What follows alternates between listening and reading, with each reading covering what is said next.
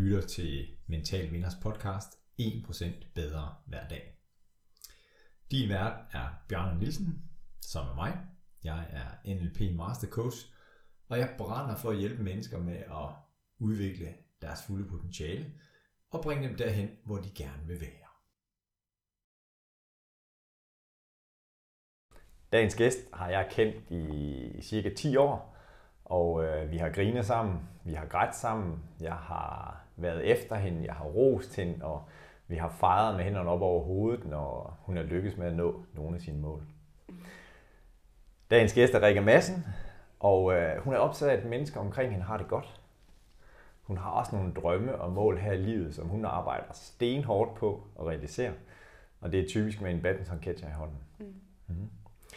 Den øh, rejseproces, som Rikke har været igennem i forhold til at første gang jeg mødte hende med, med badminton catcher i hånden, og så til nu, der har hun udviklet sig rigtig, rigtig meget. Både som badmintonspiller, men også som menneske.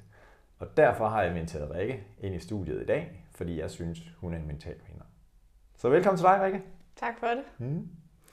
Se, badminton, det har jo fyldt og fylder rigtig meget i dit liv. Ja. Yeah. ja. Kan du ikke fortælle os lidt om, om, om din rejse inden for badmintonverdenen, og hvornår det startede, og hvor yeah. du er henne nu? Det startede, da jeg var ja, 8-10 år gammel med at tog til min, med min mor og far ned og spillede miniton forældre barn i Køge. Ja. Og så spillede jeg i Havdrup lidt, og så endte jeg så i Roskilde, hvor jeg spillede i mange år. Men så flyttede jeg til Greve, som hvor jeg er nu. Ja. Og der, ja, jeg spiller rigtig meget og træner hver dag, og nogle gange flere gange om dagen. Ja. så det fylder meget. Mm. Og jeg vil gerne have det til at passe ind, og det er jo det, jeg brænder for at gøre. Ja. ja. Og rent uddannelsesmæssigt og mm. arbejde, så, ja. øh, så står den på badminton, og så arbejder du siden af, eller hvordan? Altså, jeg vil da helst have, at jeg kommer til træningerne, så det er det, der har første prioritet. Og så får mm. jeg arbejdet til at passe ind. Så lige nu arbejder jeg i en børnehave. Ja. ja. Sådan. Mm. Og sådan for nogen, der som er meget optaget af badminton, kunne godt sidde og tænke, jamen, hvor, hvor spiller du så henne? Og den her sæson har du debut i badmintonligaen. Ja. Og spiller ellers sådan fast på første division. Ja. Ja. Mm. Og badminton, det består af med noget holdkamp, men i den grad også at nogle individuelle stævner og turneringer. Mm. Ja, så i den her måned har jeg været til et Grand Prix i Lillerød, mm. og så har jeg haft nogle holdkampe, og så i januar er der så et stævne på Island ja. og et i Aarhus. Ja. Så det er lidt blandet. Kommer ja. lidt rundt i Danmark. Ja.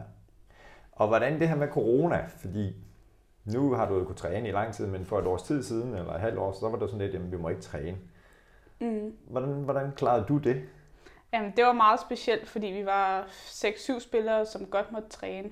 Så der var jeg så en af de heldige, der godt måtte træne. Så ja. der kom jeg i halden 3-4 gange om ugen. Okay. Men ellers så fik jeg nogle programmer af min træner til at kunne lave noget ja, på vejen og ud at løbe. Ja. Mm. Så det var meget, meget speciel oplevelse. Ja. Men jeg var selvfølgelig glad for, at jeg kunne komme til at træne, så jeg kunne holde ja. det lidt, lidt lige. Ja. Ja. Jeg tænker, at der er mange andre, der i hvert fald vil være ramt, og vi kan ikke være sammen. Og, ja, og lige nu her, hvor vi optager nu, jamen, så min søn har, har hjemmeskole, og jeg lyttede lige med, og der var en af dem, der sagde, nej, jeg savner, at jeg ikke kan være sammen med jer andre i klassen. Det var jo specielt det der med, at vi kun var syv, og så vi savnede jo de andre, men vi var også glade for, at vi kunne komme ned. Ja. Så vi blev også sådan en lille boble, der fik det meget godt socialt sammen. Ja. Og så lige pludselig, så kom vi flere hen. Så var det lidt, wow, vi er tilbage. Ja. Mm. ja. Og hvordan det her med, med sport, fordi badminton, er det sådan en individuel sport for dig, eller en holdsport, eller noget helt tredje? Altså, det er jo begge dele, fordi man er jo individuel i, man spiller single eller double med ens partner, men mm. man har også nogle holdkammerater, som man træner med, og som man sparer med. Ja. Så på den måde er det et hold, men også individuelt. Ja. ja. Mm. Og det er det, jeg godt kan lide ved sporten, i ja. forhold til fodbold eller håndbold, hvor der er man et samlet hold, men her der er der både det ene og det andet. Mm. Ja. ja. Det kan jeg ikke genkende til. Og fordi jeg har prøvet andre sportsgrene, og en af de ting, jeg synes er fascinerende med badminton, det er også det der med, at både piger og drenge, eller herrer og damer, de konkurrerer sammen. Mm. Ja, ja man er blandet, ja. drenge og piger. Ja. Ja. Ja. Mm. Super. Hvad, lige her for tiden, fordi det er jo, vi er midt i december, mm. Og vi havde en snak omkring, om der var styr på julegaverne, og vi er klar til det. ja. Så udover badminton, hvad er der så ellers, der fylder i dit liv lige for tiden? Og arbejde fylder meget. Mm. Jeg har jo stadig 30 timer i børnehaven. men så også venner og se min familie. Og ja, jeg kan godt lide at være sammen med andre mennesker og ja. snakke med dem og komme ud på lidt caféer eller købe ja. lidt gaver og sådan noget. Ja. ja. Mm. Jeg tænker, at det er vigtigt i hvert fald, at det har noget andet indhold end bare badminton. Ja, præcis. Det skal ja. ikke fylde for meget. Der skal også være noget andet, hvis man nogle gange går lidt sur i det, så man også kan se nogle andre mennesker og gøre noget andet, så det ikke kun bliver badminton. Så kan man også løbe lidt tør i det. Ja, mm. Mm. det giver god mening. Ja. ja. Så det her med, at vi skal snakke omkring at være en mental vinder. Ja. Mm. Og det er jo et vidt begreb. Ja, det er det ikke det. Det kan jeg i hvert fald se med de gæster, jeg har haft. Der er jo ikke kun ét svar på det. Nej, det er det. Nej. Og, øh, og jeg kunne godt tænke mig, hvis du vil prøve at sætte ord på, hvad du synes, der kendetegner mental vinder. Ja. Jamen, en mental vinder for mig, det er en, som føler sig afslappet i sig selv. Mm. Og føler, at man tør udfordre sig selv, og man har selvtillid og kommer ind og viser, at man er afslappet. Ja. Og en, der springer ud i noget nyt. Mm. Og godt tør fejle. Ja. ja. Super. Noget, som jeg i hvert fald har arbejdet meget med. Det ja. der med, at man skal fejle, før der er succes. Ja. ja. Prøv at fortælle noget mere omkring det.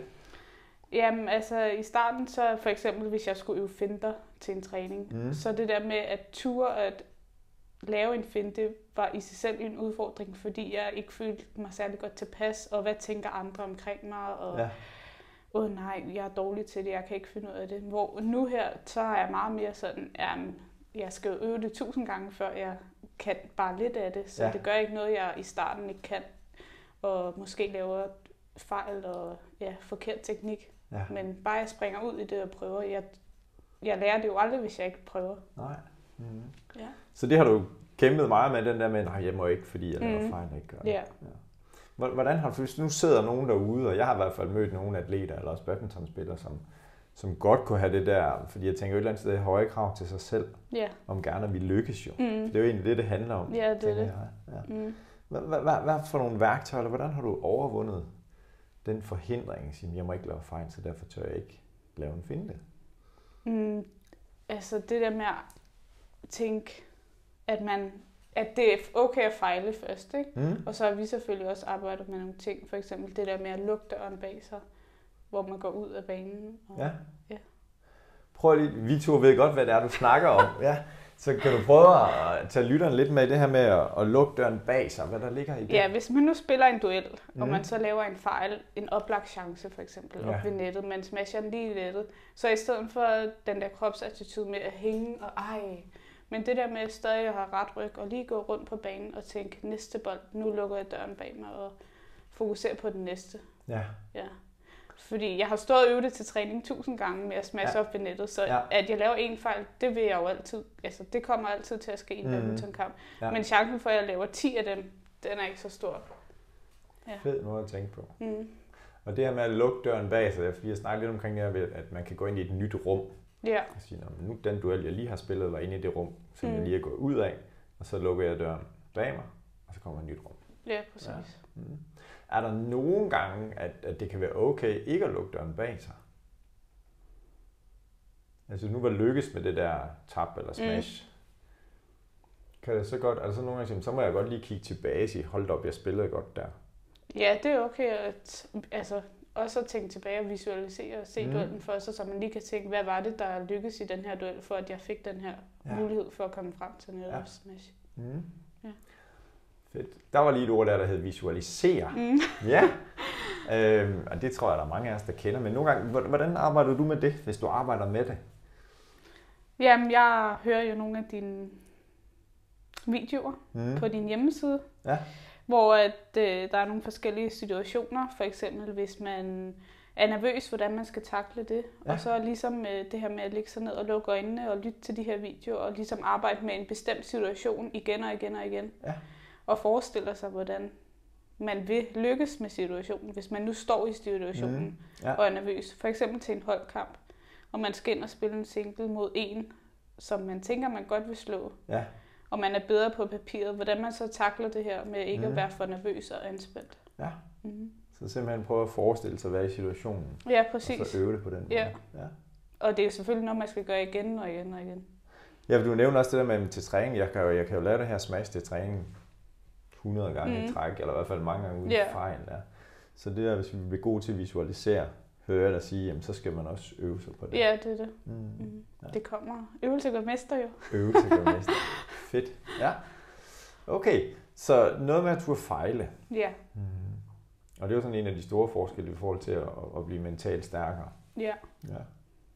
Hvad, hvis vi nu sådan skulle tage det modsatte, mm. og, og jeg har jo lært, fordi i starten af podcasten siger jeg, hvad er en mental taber, og så siger alle mine gæster, det der, Bjørn, det er altså et dårligt udtryk. No. Så hvis vi nu snakker om en, som ikke har den samme mentale styrke, men måske mere sådan en mental taber tankegang, mm. hvad, hvad kendetegner sådan en person? En, der altid altså, ser hullerne i osten, eller sådan. Ja de, ja, man tænker negativt omkring alt, og man mm. siger, at man er dårlig til sig selv. Også den her indre dialog, der kører. Ja.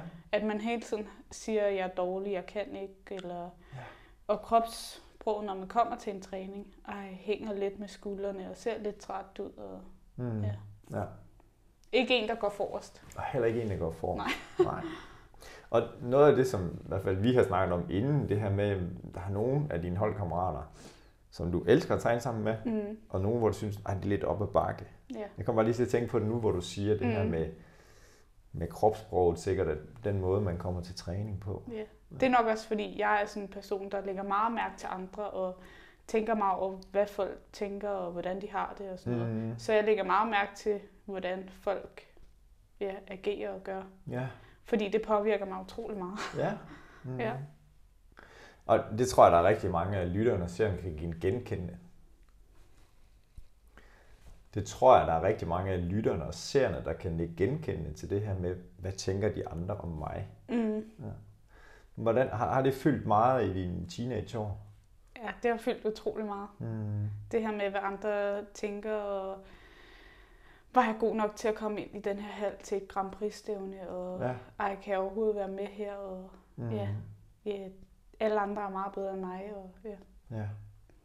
Men det er ligesom om, at med tiden så føler det ikke så meget mere. Mm. Fordi det er noget, jeg har arbejdet utrolig meget med. Ja. ja.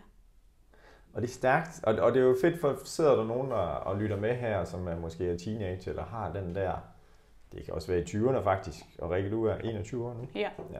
Men den her fornemmelse, ej, hvad, hvad med de andre, og man kommer til at måske lægge enormt stor forventningspres på sine egne skuldre. Mm.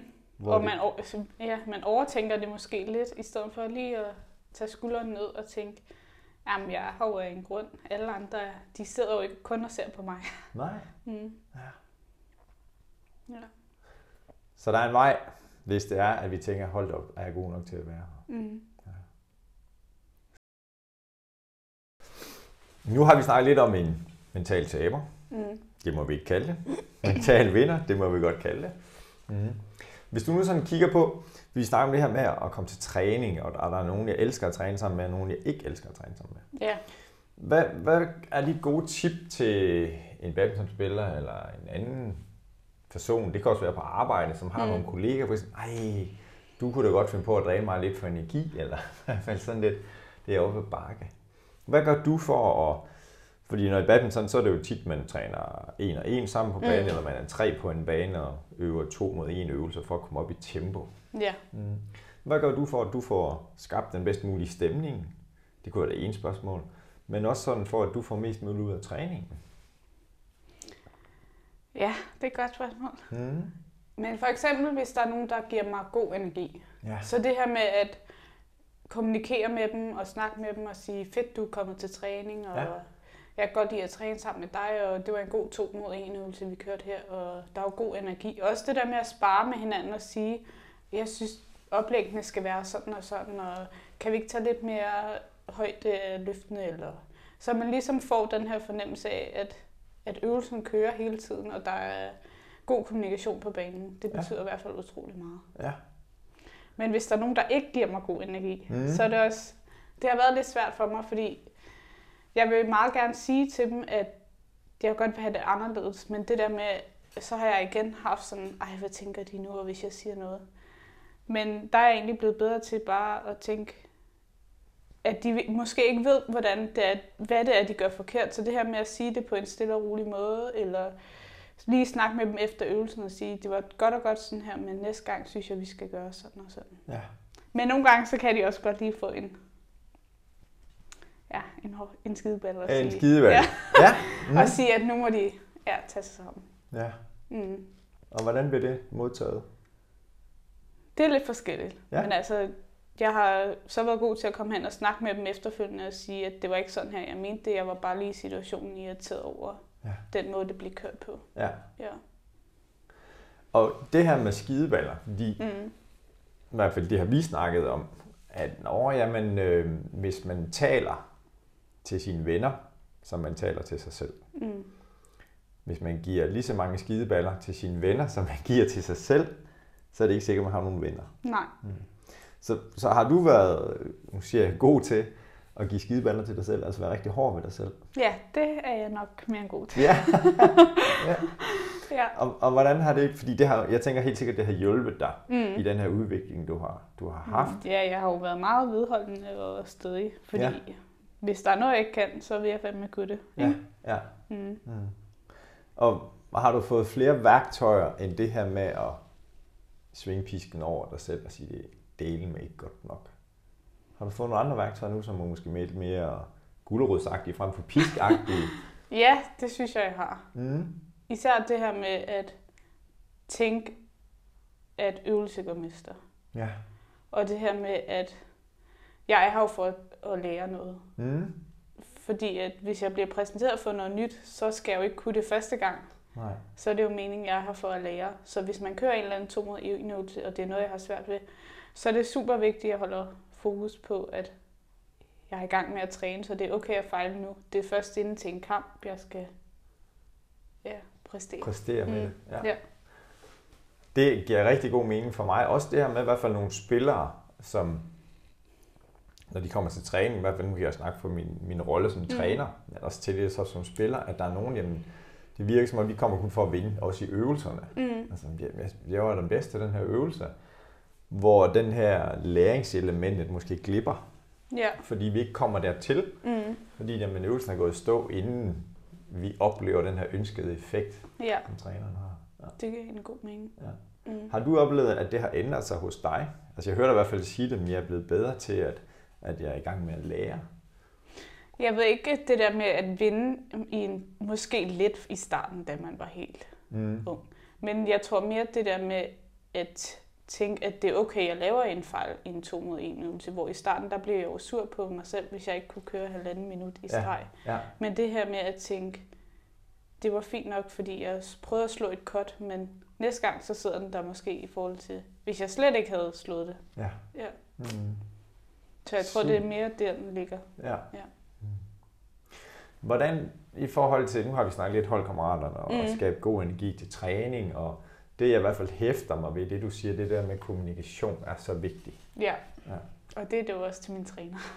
Okay, så din træner, for det var det, jeg skulle til at spørge omkring det her med, hvordan du bruger din træner, og, mm. og hvordan øh, det samarbejde er, og hvordan det hjælper dig.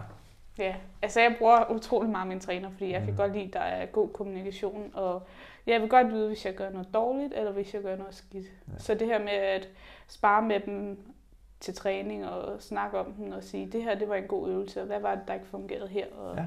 Men også inden, hvis man er inde i en dårlig periode, lige det der med at få en snak med dem efter en træning, og lige sætte sig ned, og hvad er det, der rører sig? Og, ja. ja. Og din træner er Michael Rasmussen og Peter Steffensen, ja. som er dine primære træner. Mm. Ja. ja, Peter har jeg jo så fået her inden for de sidste halvanden år. Michael ja. har jeg jo kendt lige så lang tid som dig. Så. Ja. Mm. ja. ja.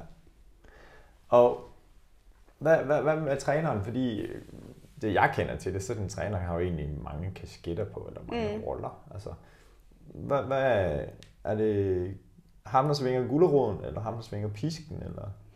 Det kommer lidt an på dagen. Mm. Hvis jeg er jo meget hård ved mig selv, så jeg kan jo godt se, når jeg laver fejl, eller hvis jeg har en dårlig træning. Så hvis jeg er inde i den træning, hvor at jeg er meget negativ omkring mig selv, så vil jeg egentlig gerne have, at de kommer med gode ting og hæpper på mig og pepper mig op. Ja. Men hvis jeg piver lidt eller har lidt ondt af mig selv, så må de godt svinge pisken. Ja, okay. Ja. Så ja, man skal nok kende mig lidt før, mm. Ja. at man ved, hvad man skal gøre. Ja. Men jeg er også ret nem at læse, fordi ja, jeg viser mine følelser. Mm. Og det er jo en styrke. Ja. Og jeg ved også nogle gange, så har du i hvert fald fortalt mig, det er da også irriterende, hvorfor jeg ikke bare kan være cool. Ja. Altså, Ja, det finde er den det. her balance, Mhm. ikke også? Ja. Jo. Det giver så god mening. Mm. Mhm. Nu i forhold til, hvad, hvad er det, du drømmer om med badminton, og hvad for nogle mål har du egentlig med badminton? Mm, Jeg drømmer jo egentlig om at blive så god som muligt. Mm. Og jeg ville godt spille på ligaholdet en dag. Ja, Og ud og spille nogle internationale turneringer. ja. Mm. Men vi må se, hvor langt det rækker. Ja. Og den her måde at formulere det på er i hvert fald øh, sådan meget, hvis vi siger, at der er nogle resultatmål, mm. og så kan man have nogle procesmål eller Mm. præstationsmål, altså nogen, som, som snakker om. Ja. Og resultatmål, det er nogen, der er afhængige af andre. Man kan få den samme gode idé, når man, jeg tager til Island, jeg vil gerne vinde damen Mm. i Island. Der er nok 20 andre, der har fået den samme gode idé. Der er Mm. kun en, der kan vinde. Ja.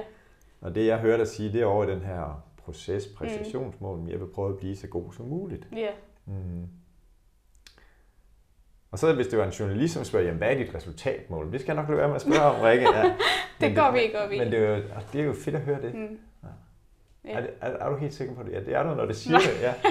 Selvfølgelig vil man da godt altid vinde. Mm. Mm. Men altså, ja, der er så mange gode badmintonspillere.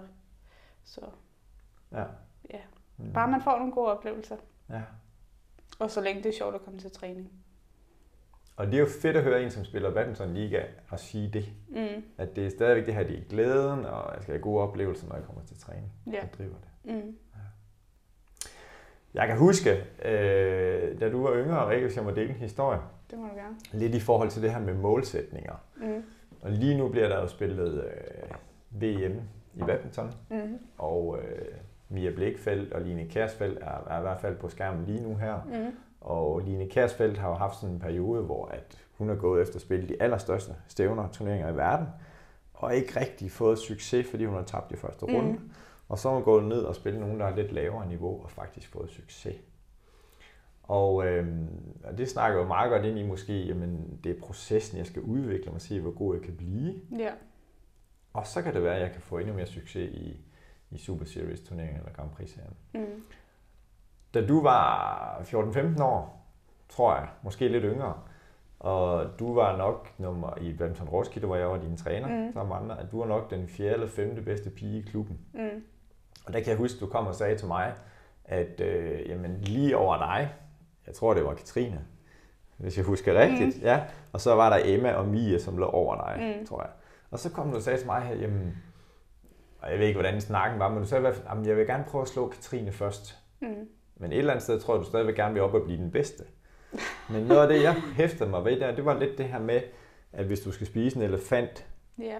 jamen så skal jeg tage dem i små bidder ad gangen, eller hvis jeg skal Mm. spise mine konkurrenter eller overvinde dem, jamen så starter jeg med den, der er tættest på mig. Mm. Og så vil jeg prøve at se, om jeg kan blive bedre end hende. Og da jeg så har gjort det, jamen så var der så den næste af rækken. Ja. Og det er i hvert fald sådan en tankegang, jeg gerne vil rose dig for at have. Sige, okay, jamen jeg vil gerne op og stå øverst på medaljeskamlen, Mm. men lige nu skal jeg prøve at se, om jeg kan besejre hende, der er nummer tre. Ja, det er det. Og så gør jeg det. Mm. Ja. Det er jo lidt det samme som i en kamp, det der med, hvis man møder en modstander, hvor man ja, ved, man ikke er favorit. Mm. Det der med at se, hvor mange dueller man kan få, eller tage en duel som en sejr. Ja. Og så en duel ad gangen. Ja, det er det. Ja. Mm. Og du sagde også tidligere det her med, at hvis jeg havde lavet en, et dårligt valg, eller misset en oplagt chance, at du så har den der med at sige næste bold. Ja. Ja. Stærkt. Mm. Så der var et tip der også. Ja. Måske har den, der er til badminton, eller tennis, eller bordtennis, eller squash, eller hvad man skal sige det. Det gælder egentlig også i fodbold og håndbold. Næste aktion, Mm. næste duel i Ja. de tilfælde. Mm. Fedt. Mm. Så det her med konkurrencer. Fordi nu, øh, nu har vi jo snakket lidt, at hvis jeg møder en svær modstander, Mm. og den anden er favorit, så gælder det om at få så mange point som muligt. Ja. Så det, som jeg tit snakker med, med atleter om, det er det her med, hvornår har du den bedste følelse eller spændingsniveau mm. inden en konkurrence? Er det, når du er favorit, eller når du er undertippet, eller hvis I begge to på papiret har sådan 50% chance for at vinde? Hvornår har du den bedste spændingsniveau inden en kamp? 50-50, eller hvis jeg er lidt undertippet. Ja. Fordi så føler jeg, at jeg bedre kan gå ind og spille frit. Mm. Eller det gjorde jeg i hvert fald engang. Ja. Nu er jeg i hvert fald blevet bedre til at takle de situationer, hvis jeg er favorit, Ja. end hvis jeg ikke. Så hvis, hvis du får favoritrollen, hvordan, hvad gør du så? Jamen, så gør jeg jo alle mine rutiner, det der med at varme op og tage to sko på og Ja. fylde drikkedum og sådan noget. Men en ting, som er vigtig for mig, det er især det her med at få en god opvarmning. Ja. Fordi hvis jeg er lidt anspændt eller nervøs, så føler jeg mig meget stiv og tung i kroppen. Så det her med ligesom at blive helt varm og komme ud og få løbet og få pulsen op, så man føler, at man nærmest har spillet et sæt, inden man kommer i gang. Ja. Mm. Og det er den fysiske opvarmning. Ja, ja, så er der også noget mentalt, det der med lige at gå ind i sig selv og ja, trække vejret ned i maven og mm. lige fokusere på de tre første dueller og hvad, man, hvad det er, man skal ind og gøre på banen. Ja. Og så også få snakket med ens træner om, hvordan man lige har det og føler. Ja. Så de ved, hvor man står henne. Ja. Og det ved du selv har været rigtig, rigtig god til, at det der med, jeg skal have haft den der snak med min træner. Ja, det er i hvert fald ja. vigtigt for mig, fordi kommunikationen igen ja. betyder utrolig meget for mig. Ja. Så de også ved, hvor det er, jeg står henne, ja. så de kan guide mig. Mm. Ja. ja. Så det var det, hvis du var favorit. Mm. Er der nogle forskelle på den der forberedelse, hvis det nu er, at du er undertippet, eller I begge to er lige, der er din modstander? Mm, tankegangen er i hvert fald det der med, at jeg skal tænke, at jeg skal være afslappet og ikke føle mig anspændt, når jeg går på banen. Ja. Altså hvis jeg er favorit. Ja. Det her med at føle mig afslappet i kroppen og godt tilpas, det betyder utrolig meget. Ja. Så der bruger jeg mere det mentale, hvor hvis jeg er undertippet, så tror jeg mere bare få en god opvarmning. Mm. Og lige snakke med min træner om, hvad det er, jeg skal ind og ja. fokusere på. Ja. Og hvornår det er, jeg har succes. Ja. ja. Mm. Hvor meget gør du ud af det her? Fordi jeg tænker, der er forskel på, hvis du skal møde en, som du kender, mm. og måske en, som du ikke kender. Mm. Er det der nogle forskelle i de taktiske overvejelser, du gør der? Ja, så snart, hvis jeg kender personen, eller lige har mødt hende, så ja, har jeg skrevet ned, hvad det er, mm. jeg skal ind og gøre, og hvad det er, hun var god til sidste gang, og ja. hvad det var, der lykkedes for mig. Mm. Men hvis jeg ikke kender personen, så må jeg jo ind og sætte an. ja. ja. I hvert fald til 11. Eller hvis der er nogen, der har mødt personen, snak med dem. Eller, ja. Hvor meget tager du så udgangspunkt i dig selv og dit eget spil? Hvis det er en, du ikke kender, du skal møde. Meget. Ja. Det fylder utrolig meget. Det ja. der med at få mit eget spil op og køre, og så må jeg se det første sæt i løbet af kampen, hvad det er, hun ligesom er god til, og så mm. må jeg korrigere derfra. Ja. Ja. Fedt. Mm. Ja. Se, det her med at, brænde for badminton og elsker badminton, det, det gør at man tænker på det nok hver dag. Ja. ja. og, og hvordan er det for dig? Fordi at, at øh, den her forberedelse til, hvis du nu skal spille lørdag eftermiddag, mm. hvor, hvor tidligt starter din forberedelse for, og har du lavet nogle ændringer inden for de seneste år i forhold til, til hvad du bruger tiden på dagen før og om formiddagen? For nogle år tilbage fyldte det utrolig meget, hvis jeg skulle spille en holdkamp klokken 4, fordi der var jeg allerede nervøs, når jeg stod op om morgenen. Mm. Og der brugte jeg utrolig meget tid på bare at sidde og vente på, at jeg skulle ind i hallen. Ja. Hvor nu her, der er jeg bedre til at stå op og få lavet mine ting, måske gå en tur, tage med min mor op og handle, eller ja. Ja, snakke med nogle venner, eller ja, spise noget god morgenmad og ja. rydde op på mit værelse og sådan noget. Mm. Så jeg får tænkt nogle andre tanker og får gjort noget andet, så det ikke er det, der fylder. Og så to timer før, så må det godt begynde at fylde. Ja. Men det skal ikke fylde en hel dag, fordi så er det, jeg bliver nervøs og anspændt. Mm. Så det er utrolig vigtigt, at jeg får lavet noget andet ja. inden. Ja. ja. Og der har du, fornemmer jeg i hvert fald, fundet en rigtig god opskrift på det, på før kamprutinen. Ja, ja, i hvert fald i forhold til før. Ja. Mm. Super. Mm. Rikke, vi skal lige høre. Ja. Hvis du nu skal give tre gode råd mm. til dem, der lytter med. Ja. Og det kan være som badmintonspiller, men det kan også bare være mennesker, der gerne vil være mentalt stærkere. Mm. Nu har vi snakket om det der forskel på at være mentalt stærkere, måske mentalt svag. Ja. Så mennesker, der gerne vil være mentalt stærkere, eller har nogle mål, som de gerne vil opnå. Hvis du skulle give dem tre gode råd. Uh, mm. Den er svær. Ej. Måske det her med at tage en dag ad gangen. Ja. Og så arbejde med små skridt ad gangen. Tag mm. et step og sige, hvad er det, jeg gerne vil fokusere på den næste periode, for eksempel de næste tre måneder. Ja. Og så arbejde med det, og sådan bringe det ned i små bidder, så det virker overskueligt. Ja. ja det er mm. i hvert fald første mål. Godt tip. Mm. Mm. Anden mål, hvil i dig selv og tro på dig selv. At man skal ikke ændre noget, eller ændre på sig selv for at nå hen til ens måde. Ja. Man skal være, som man gerne vil være. Ja. Mm. Hvil i dig selv og tro Ja. på dig selv. Ja. Og der har du gennemgået en stor, flot udvikling. Er det rigtigt? Ja. Jeg hviler i hvert fald mere i mig selv nu. Ja. Mm. Det er så godt at høre. Mm. Hvil i dig selv, tro på dig selv. Ja. Små skridt i gang. Tag en der gang. Ja. Mhm. Mm. Og det nummer tredje tre. Råd? Og det tredje råd til dem, der gerne vil være mentalt stærkere. At søge hjælp. Ja. Snak med nogen omkring, hvad det er, man øh, gerne vil, ja, hvad det er, man gerne vil nå. Mm. Og så øh, ligesom få snakket med de her personer om, hvordan man skal gøre det, og hvordan man skal lykkes med det. Ja. Så man også deler ud af sine tanker, så man ikke bare går med det selv. Ja. Og ligesom hente hjælp og få nogle værktøjer eller redskaber fra andre. Mm. Ja. Det har i hvert fald hjulpet mig utrolig meget. Ja. Det her med at snakke med nogen. I- Også fra forskellige perspektiver måske. Først snakke med ens familie, som ser en på en side, Ja. og så ens træner eller Ja. ja. Ens Mm. venner. Så man ligesom får det fra flere forskellige synsvinkler af, og så kan man arbejde med det ud derfra. ja. Mm. Det er godt. Ja. En der er i gang. Små skridt. Mm. Tro på dig selv. Hvil i dig selv. Og kald på hjælp, eller brug dem, du har omkring dig. Ja, Mm. Mm. Fedt. det er da nogle gode mål. Det er det. Og de er gratis. Hvis jeg selv skal sige det. dem. Ja. Det er rigtig, rigtig godt. Mm. Super. Rikke, hvis nu sådan skal sige, altså du er blevet mentalt stærk, men jeg hører dig også sige, at jeg er i gang med at udvikle. Ja, det kan jo blive bedre og bedre. Ja. Mm. Så hvilke områder i dit liv er det, hvor du godt eller arbejder på at blive mentalt stærkere?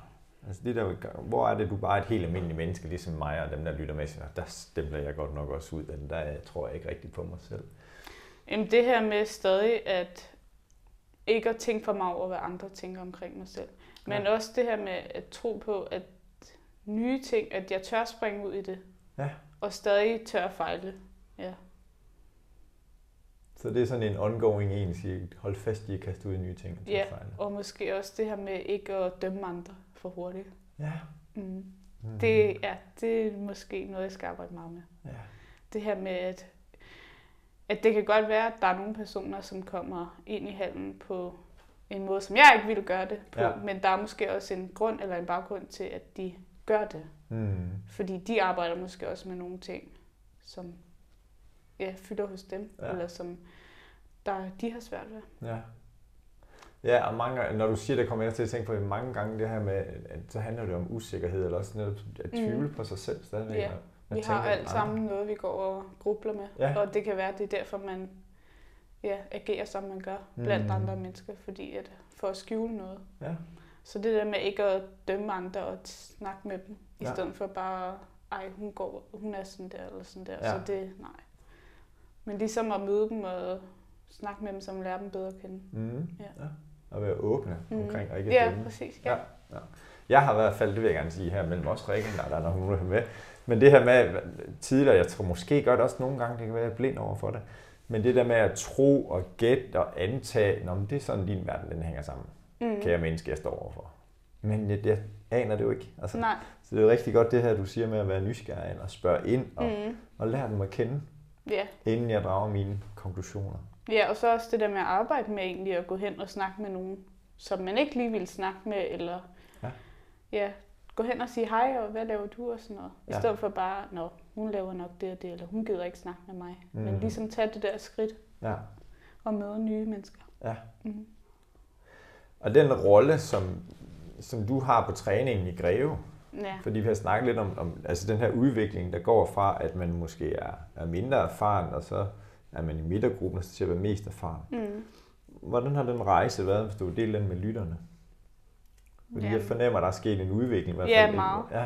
Mm. Jeg startede med at komme til Greve, hvor jeg var en af de yngste, og der var mange ældre spillere, og der var ligesom nogen at se op til, og nogen, der tog førestrøjen derpå, hvordan Ja. ja. man skulle være, og Ja. agere sammen med andre og være i hallen. Hvor nu her, der er jeg jo en af de ældste, selvom jeg kun er 21. Ja, ja. Så det er også lidt specielt. Og der har jeg jo fået en lidt anden rolle med, det er ligesom er mig, der skal sætte standarden for, hvordan det skal være, og mig, der skal tage sig af de nye, og byde dem velkommen og gå hen og snakke med dem og sådan noget. Så Mm.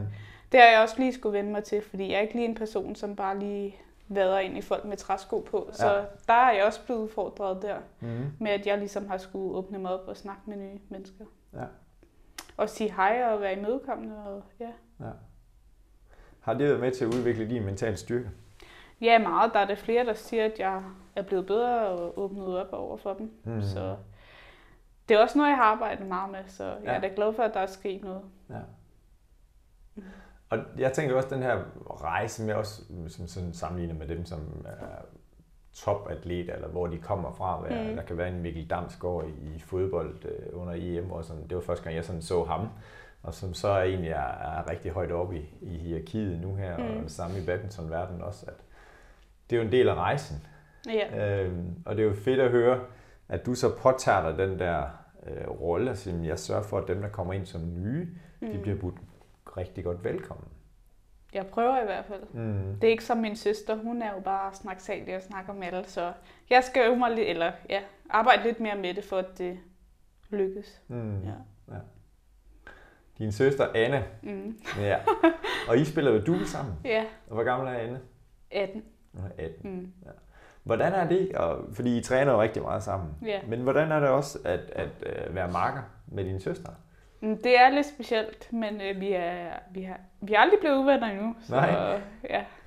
Mm. Men det er da dejligt, at man har en så tæt på, man kan spille duel med. Det gør også, at man kender hinanden lidt bedre, og man kan sige nogle ting til, ja, til hende, uden at det går hende på og sådan ja. noget. Ja. Og at man kan, vi træner så meget sammen, så vi også kender hinanden så godt. Mm. Så. Men det er også en fed oplevelse, og det er da ikke mange, der får lov til at spille med ens søster. Nej. Så det er jeg da også meget glad for, at jeg får prøvet. Ja. Og hvad med dine forældre? Fordi de har jo selv spillet badminton, eller spiller stadigvæk badminton. Ja, min far gør i hvert fald. Ja. Men de har spillet. Mm. Mm. Ja. Så det fylder jo meget i familien, og ja. Mm. Hvordan, har, hvordan har dine forældre hjulpet dig på den her rejse? De har støttet op omkring det og snakket med mig i svære perioder og mm. ja, kørt mig rundt til turneringer ja. og betalt en masse ting. Det er jo, ja. ja. Og ja, så har de jo også fået hverdagen til at fungere med, at jeg kan låne en bil og ja. En masse praktiske ja. ting, der, der skal spille for at det for kan at lykkes. det kan lykkes. Ja. Og for at man kan træne så meget, som jeg gerne vil. Mm. Ja. Forleden snakkede jeg med en om, omkring det her med, med forældrene. Altså, hvis man skal blive så dygtig til noget, som du er blevet inden for, for badmintonspil mm. i den højeste række i Danmark, jamen så den der forældrerolle er, den er svær. Mm. Fordi hvor meget skal vi pace, jeg ved ikke om det er det rigtige ord, men i hvert fald sådan yeah. sætte en ramme, hvor der er nogle krav, hvor meget skal forældrene sige, prøv at vi støtter dig, men du skal selv finde ud af, hvad du vil. Mm. Vi har da også haft den dialog derhjemme, det der med, at det er vigtigt for Anne og jeg, at de støtter op omkring det, og de mm. snakker med os, når ja, vi har haft en dårlig træning og sådan noget. Ja. Men også det der med, at de holder sig lidt i baggrunden, og det egentlig ligesom er os, der kommer til dem, hvis vi gerne vil snakke om noget. Selvfølgelig har vi den daglige dialog derhjemme mm. om træning og sådan ja. noget. Men hvis der er noget, der lige er svært, eller der er noget, vi skal sige til en træner, det der med, at man lige kan spare med dem og sådan noget. Ja. Og de kører i til turneringer, eller ja, da man ikke havde kørekort. Ja. Mm. Så det har det også fyldt meget. Men jeg er da glad for, at de har støttet så meget op og hjulpet til og trædet med på fællestur. Og, ja. Mm. ja. Så det er en svær balancegang, fordi ja. jeg vil gerne have, at de hjælper, men de skal samtidig holde sig lidt i baggrunden. Ikke? Ja. Så, ja. men jeg fornemmer, at I har snakket om det for ligesom at lave nogle klare aftaler. Ja, ja. det har vi. Mm. Og det tror jeg, det er vigtigt. Øh, også nogle gange, når jeg får nogle, nogle spillere, forældre eller atleter, som jeg får lov at hjælpe os, hvor den der, ja, men min far må vil rigtig gerne hjælpe, men øh, altså får vi en sådan, de er sgu lidt usikre på, hvad de skal gøre. Mm. Fordi det er jo dig, der er blevet ekspert i din sport. Yeah. Hvor for seks år siden, jamen, så var du måske stadigvæk din far eller mor, som vidste mm. mere om badminton. De vidste mere, også mere om livet. Så den der udvikling er også en, øh, jo. nogle gange vej, der er mm. brolagt med forhindringer og ujævn, andre gange yeah. så går det bare rigtig, rigtig mm. smooth. Og de fatter, hvad jeg siger til mm. Ja, men jeg tror også noget andet, det der med, at de har aldrig gået op i sådan, om man har vundet eller tabt på den. Selvfølgelig vil de gerne have, at man vinder. Ja. Men også det der med, at det er i hvert fald vigtigt for dem, at jeg havde det sjovt med badminton, ja. og at jeg synes, det var fedt at komme til træning. Det skulle ikke være sådan, så at det var sur røv at komme til træning. Nej. Så det der med, at de ville bare have, at man var glad for det, mm. og synes, det var sjovt, og fik nogle gode minder og venskaber ud af det. Ja. I stedet for så meget på resultatet og på det her med at vinde og tabe. Ja. Ja. Så de har lige været gode til at, ja. at præge dig med det her, vi snakker procesudvikling, vi ser, hvor gode vi kan blive. Ja. Og så det skal være sjovt. Mm-hmm. Ja. Når du kigger tilbage på den badminton karriere, det ved ikke, vi kan kalde det under 21, men i hvert fald alle de gode oplevelser, du har haft med mm. badminton. Hvad er det så, du ser tilbage på med stolthed? Du har opnået? Mm. At jeg har turde gå min egen vej, og ja, ikke været bange for at udfordre mig selv, og flytte til en ny klub, og møde en masse mennesker, og det her med at træne, og ja, spare med andre. Mm. Også det her med, at jeg har holdt fast i at træne så meget, og også efter jeg gik ud af gymnasiet, det her med, at jeg bare har trænet og haft det sjovt med det. Mm. Og kunne dele nogle oplevelser med min søster. Og, ja. ja. Og så kan jeg jo sidde her og sige, det var da pokker, som ikke nævnte noget som helst som resultater. Men sådan er Rikke, og det er så godt, Rikke. Det er fantastisk. Ja. Mm. Ja, fordi det er det, det handler om at sige, hvorfor er det, at du bruger så mange timer på badminton, som du gør. Mm. Ja. Udelukkende, fordi jeg synes, det er sjovt. Udelukkende, fordi du synes, det er sjovt. Og det er en, den bedste sport. ja. ja, der var reklame her. Der er også andre sportsgrene, der er gode. Ja. Jeg synes også, badminton er fantastisk, men øh, ja, mm. fedt. Ja. Mm. Se, for nu at blive en rigtig, rigtig god badmintonspiller, mm. så skal man jo øh, kunne noget med noget slag og noget benarbejde, altså det, vi kalder for teknik, mm. og man skal kunne lægge en plan mm. for at kunne udføre det. Yeah. Og der er noget fysisk øh, mm. træning, og man skal kunne løbe lang tid og være stærk, mm. og så er der noget mentale. Koordination. Og kon- koordination. Koordination. Mm. Ja, prøv at sige noget om det. Man skal da være god til at koordinere alt muligt. Ja. Arm og ben og... Ja. Ja. Og få det til at spille. Ja. ja. Og bold og, og i håndkoordination og det. Der er nemlig mm. nogle ting, der som spiller Ja. Og på den område, eller det front, den... Og på det område, kan jeg i hvert fald også se tilbage på en helt fantastisk udvikling hos dig, ja. i forhold til det her med at kunne få maskering ind i dit spil, mm. hvor jeg ved, du har bøvlet, synes det er svært, men så har du alligevel været vedholdende omkring det. Ja. ja. En ting, som du også har, fordi nu er det de her fire, teknik, taktik, fysik, mental, og så er der alt det der udenom os, mm. altså, som jeg ved, at du også har investeret i, i forhold til at få sovet nok, få spist rigtigt, og optimere på alle de her ting her. Mm. Hvordan har det fyldt hos dig det her med at sige, at min, øh, min krop skal bare være sammensat på den bedste måde? Fordi der har du også været meget standhaftig omkring, at jeg skal spise de rigtige ting. Ja, i hvert fald det her med at spise de rigtige ting. Fordi inden for det sidste år har jeg haft sådan, gået til sådan en, hvad hedder sådan noget, kostvejleder. Ja. Ja, fordi jeg godt ville tabe mig lidt. Mm. Og fordi jeg godt ville se mere fit ud. Ja. I forhold til at føle mig mere bevægelig på banen og mere let. Ja. Fordi det kunne jeg mærke, det var noget, der betød meget. Ja. Og så også det her med at få sovet ordentligt. For mig, der betyder det utrolig meget, om jeg har fået 6 timer, eller om jeg har fået 8 timer. Ja. Også fordi jeg bruger så meget energi på så mange ting med arbejde og badminton og ja, venner. Og, mm. Så det betyder bare utrolig meget, det her med at få sovet 8 timer og føle mig frisk, når jeg står op. Ja. Mm. Fordi jeg kan godt mærke, at hvis jeg kun har sovet 6 timer, så kan man godt føle sig lidt tung til træning og ikke så oplagt. Ja hvis man har sovet Ja. Det er så godt. Og det var faktisk lige et tip, der kom her, og det er nogle af vores andre gæster i podcasten, der siger, søvn er så vigtigt. Ja. Det er nøglen til en god dag. Det siger du lige igen. Det var rigtig godt. Det er nøglen til en god dag. Nøglen til en god dag søvn. Mm. Ja. Og jeg forsøger at få min syv timer hver dag. Og jeg kan også mærke det der, hvis jeg er nede på 6 timer. Mm. Det holder ikke. Det duer ikke. Ja. Mm. Er du så ikke også mere træt, når du vågner op? Jo, jo, det er fuldstændig rigtigt. Ja. ja. Mm. Godt, Rikke. Når du nu forbereder til en kamp, og du har fortalt lidt omkring det her med, jamen, så har jeg mental opvarmning, eller fysisk opvarmning, mental opvarmning. Mm. Sådan inden, og det er måske den sidste halve time eller kvarter, inden du skal ind og spille. Mm. Hvad er det så, nu kommer der tre spørgsmål. Hvad er det, du sådan ser for dig på din indre skærm? Mm. Og hvad hører du? Er der nogle bestemte lyde, som du hører? Og hvad er det egentlig for en følelse, du har eller mærker inde i kroppen? Når du sådan er den allerbedste udgave, og du bare er klar til at gå ind og give den gas? Altså, i forhold til, hvad jeg føler i kroppen, så er det det her med, at jeg føler mig let, mm. og jeg føler mig afslappet, ja. og jeg føler, at jeg er klar til at arbejde hårdt i benene. At, ja. ja. At jeg kan gå ind og arbejde hårdt. Mm. Mm. Ja. Og også det her med at kunne føle sig let i armen og kunne tage de rigtige valg. Ja. Og føle, at jeg har overskud til at gå ind og spille en lang kamp. Ja. Mm. Og i forhold til, hvad jeg hører, så hører jeg ikke så meget andet end ja, lyden omkring mig, der er i hallen, og man lige står og gør sig klar, og mm. en badmintonbold, der bliver ramt, og ja. sko, der gnider hen ad jorden. Ja. ja. Mm. Ser du nogle bestemte ting for dig inden? Mm, jeg ser mig egentlig lykkes, og jeg ser mig arbejde hårdt. Og jeg ser mig selv være afslappet, når jeg skal ned og slå til en bold. Ja. Mm. ja. Fedt. Og det så er det, ret detaljeret, det der med at arbejde hårdt og se mig ja, selv lykkes. så det er egentlig ret vigtigt, det der med, at jeg har den samme følelse i kroppen, som hvad jeg ser. Ja. Mm.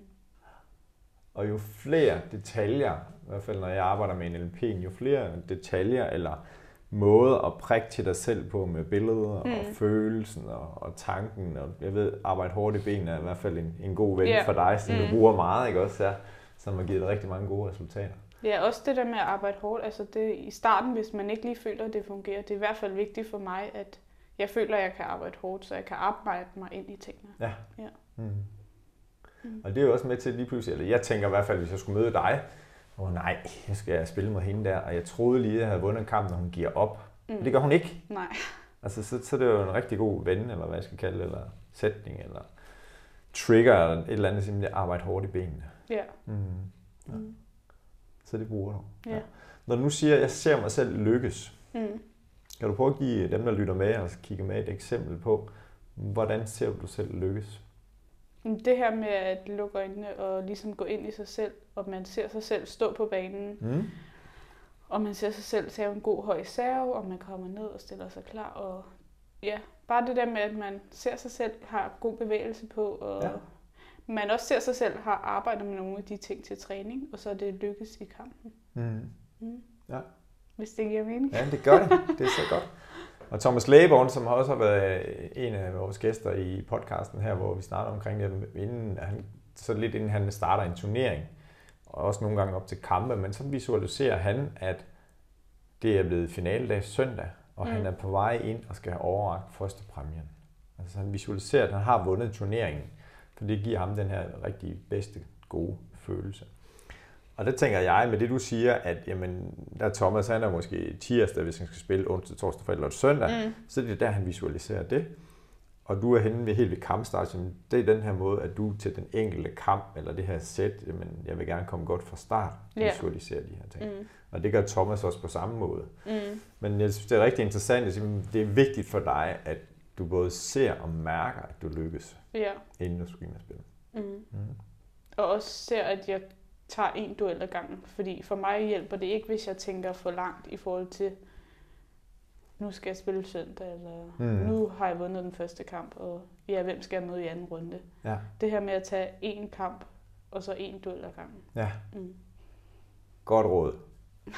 En kamp ad gangen, en duel ad gangen. Mm. Ja.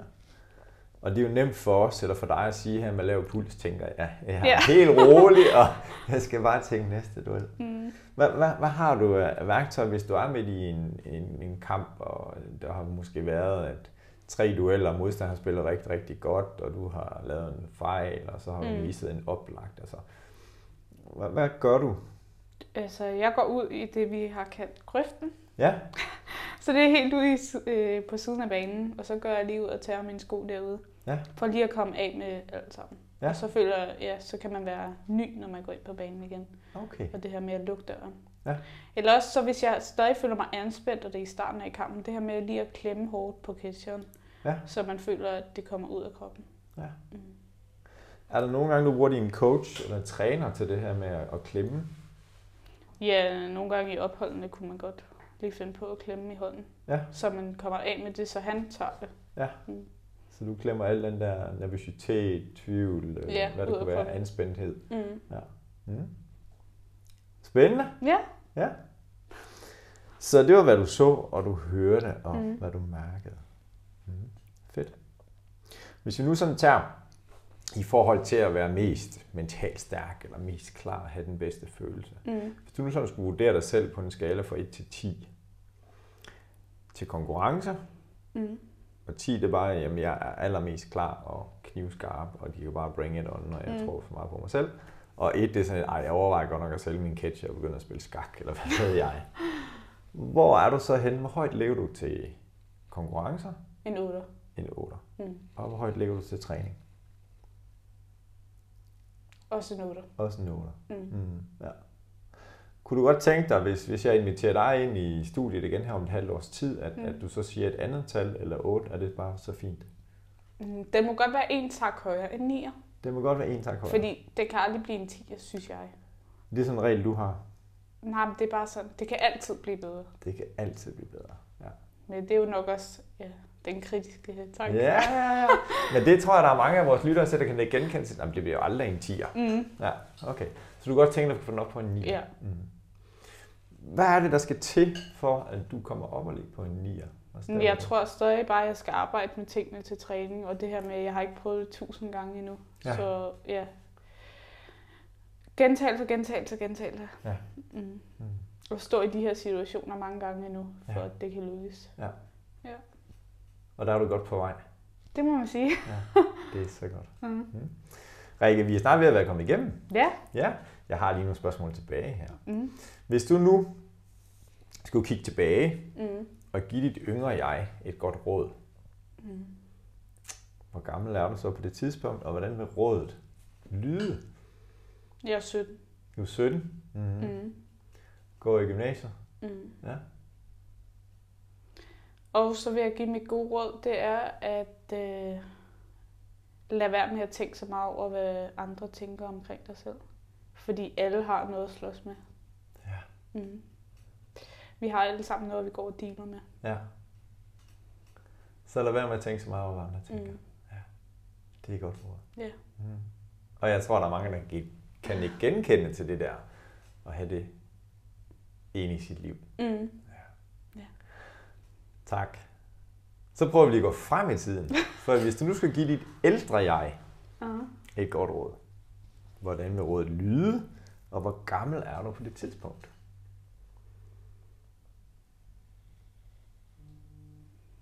Øh, 30. Ja. Og øh, slap af og nyd det, du skal nok nå det hele. Slap af og nyd det, du skal nok nå det hele. Mm. Så ja, det her med, at man skal nok nå alt det, man gerne vil nå i livet. Ja. Bare tage det stille og roligt. mm. Ja, fedt. Det er også et godt ja. råd. Ja, ja. det var, ja. Mm. Super. Tak, Rikke. Ja. Den her rejse, som du har været på i udviklingen af din mentale styrke, mm. Har der været nogle, nogle øh, rollemodeller, som du har blevet inspireret af, eller som du har kigget på, eller som du har hentet inspiration hos? I forhold til mental vinder? Ja, i forhold til at blive mentalt stærk. Mm, ja, der er der nogen til træning, som jeg har sparet omkring, og hvad de gør for at blive bedre. Mm.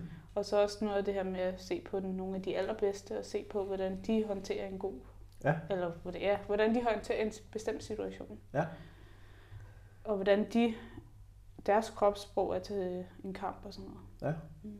Er der nogle bestemt nogen, du kommer i tanke om, når du nævner det her, hvor du synes, jeg synes, den her person er mentalt stærk eller har god udstråling?